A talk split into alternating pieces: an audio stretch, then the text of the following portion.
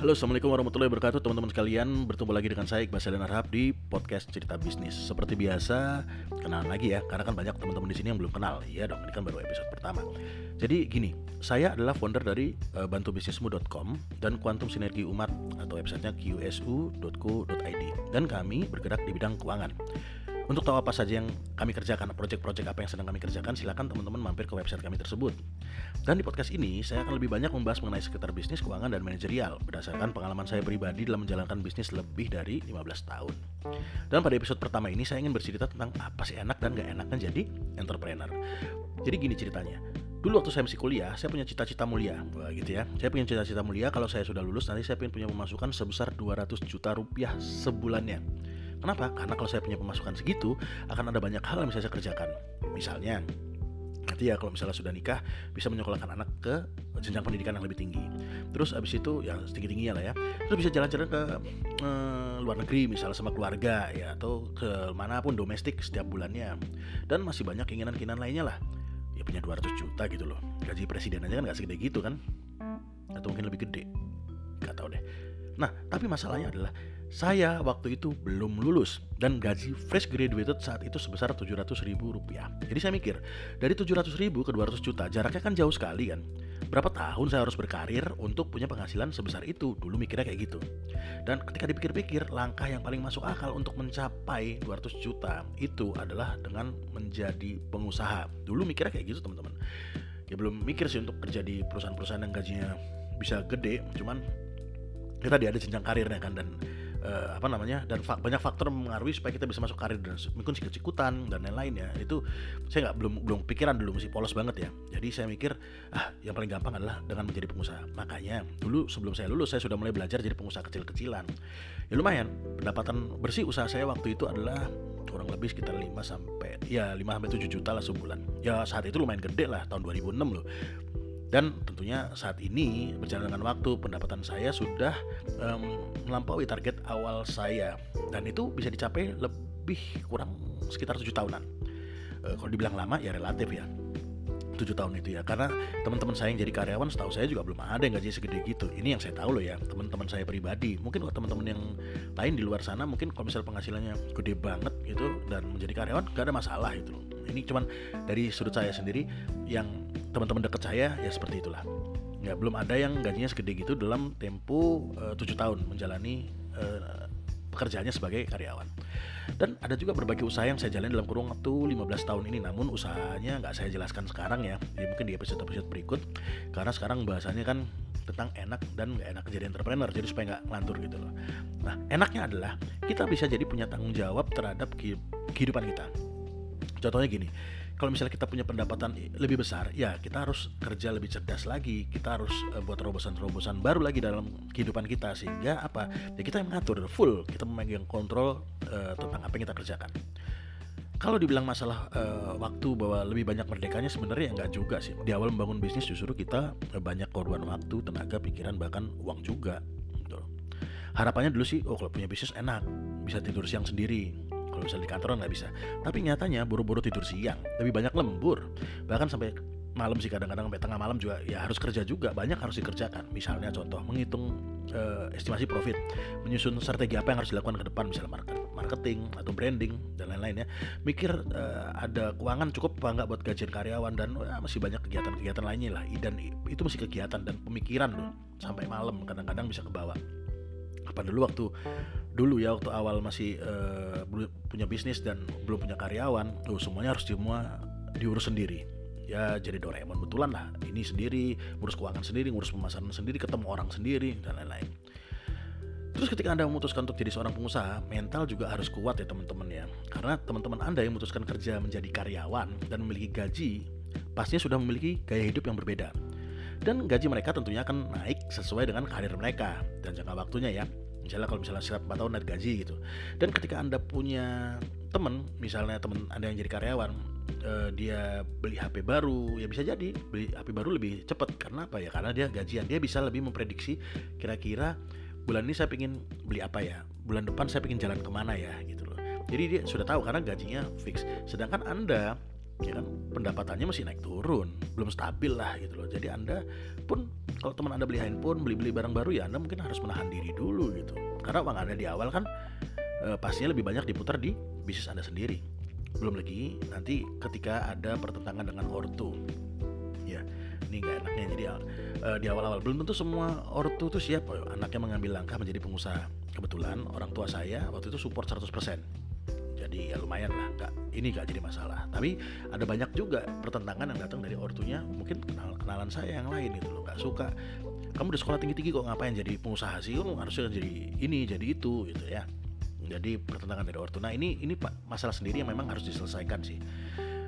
Dan pertentangan itu juga mungkin bisa saja terjadi di kalangan keluarga utama misalnya kayak suami sama istri gitu misalnya ketika anda dari seorang karyawan yang memutuskan untuk menjadi seorang pengusaha otomatis semuanya akan berubah teman-teman sekalian termasuk keuangan juga pasti akan uh, tergerus ya. Jadi siap-siap aja kalau keuangan Anda tergerus, tabungan Anda tergerus. Makanya bagusnya ketika Anda sudah menikah dan Anda memutuskan dari karyawan ingin menjadi seorang pengusaha ya diomongin dulu sama pasangan. Bagusnya gimana? Aman nggak keuangannya? Ya diskusi aja dulu biar nggak diomelin nanti belakangan kan nggak enak.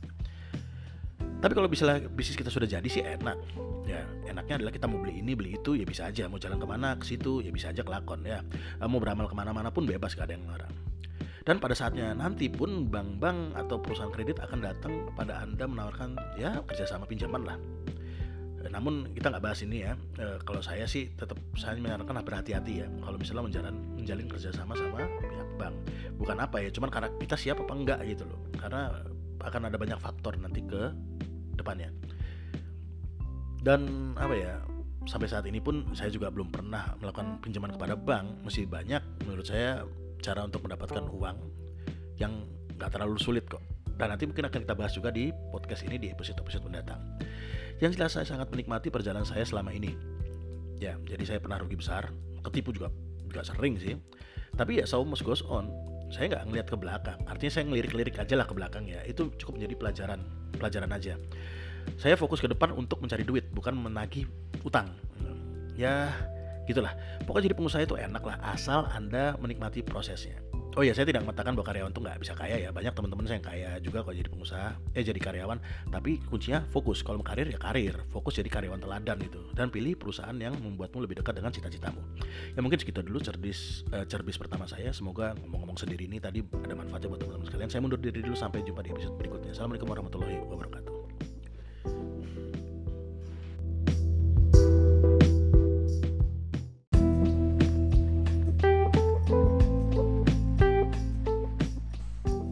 Halo teman-teman sekalian, jumpa lagi dengan saya Iqbal Sanarhab di podcast Cerita Bisnis. Podcast ini disponsori oleh bantubisnismu.com dan Kuantum Sinergi Umat qsu.co.id. Kami bergerak di bidang keuangan dan investasi. Jadi monggo teman-teman sekalian melihat website kami agar teman-teman sekalian bisa mengetahui apa saja sih yang sedang kami kerjakan ya. Dan seperti biasa di podcast ini saya akan membahas mengenai seputaran bisnis keuangan termasuk investasi ya dan manajerial. Dan oh ya, kami juga punya channel YouTube namanya Bantu Bisnismu. Sama seperti di podcast ini, di channel tadi saya juga akan membahas mengenai bisnis uh, keuangan dan manajerial. Cuman bedanya di sana ada ilustrasinya. Kalau di sini kan cuma ada suaranya doang. Dan kita sekarang akan masuk ke topik pembahasan. Topik pembahasan kita kali ini adalah baiknya mulai dari mana. Jadi ini adalah pertanyaan yang sering saya temui ketika berdiskusi dengan teman-teman yang akan memulai bisnis maupun akan memulai investasi. Dan untuk menjawab pertanyaan tadi, saya akan memberikan gambaran sederhana. Seperti di podcast yang sudah saya jelaskan sebelumnya, bahwa saya ini adalah seorang civil engineer yang kesasar. Ya kan? Nah, biasanya civil engineer ini kerjaannya membangun, bangun rumah, bangun kos-kosan, bangun got, bangun jembatan, dan lain-lain lah ya. Pokoknya tugasnya membangun aja lah. Dan nggak mungkin seorang civil engineer itu membangun tanpa adanya denah uh, terus nggak punya RAB juga nggak mungkin atau nggak punya gambar tampak bangunan juga nggak mungkin. Jadi mereka uh, civil engineer itu membangun harus punya DENA RAB dan mungkin uh, gambar tampak bangunannya.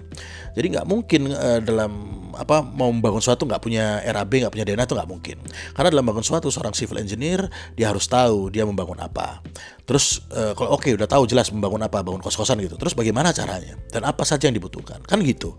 Nah, bisa sih, misal dia ngotot gitu, pengen bikin rumah tanpa dena, tanpa RAB ya bisa, tapi tentunya uh, akan menjadi eh, aneh gitu loh. Untuk menjadi rumah yang ideal, dia harus berapa kali bongkar pasang pastinya kan, dan waktu yang dibutuhkan juga jadi lebih lama, dan yang dikeluarkan juga bisa jadi lebih banyak. Bukan bisa jadi, bukan bisa jadi sih, tapi pasti lebih banyak karena bongkar pasang.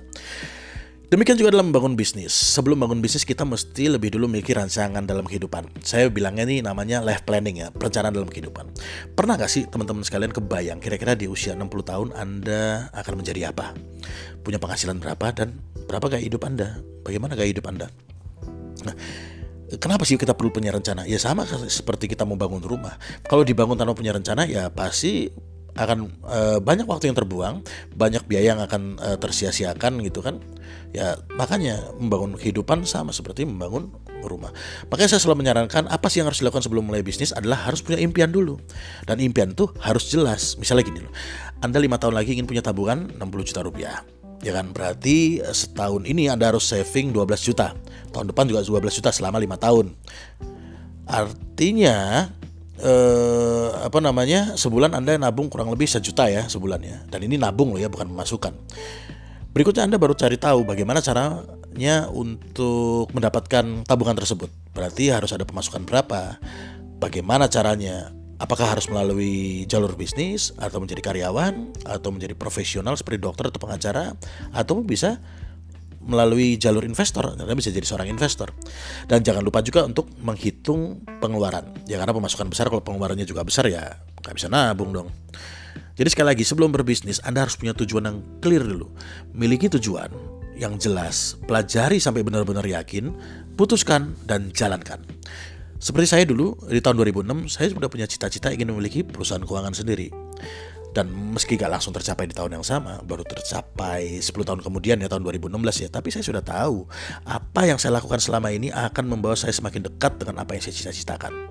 Karena cita-cita saya tadi ya tempo hari itu sangat jelas clear seterang senterongannya matahari di siang bolong jadi gitu teman-teman sekalian.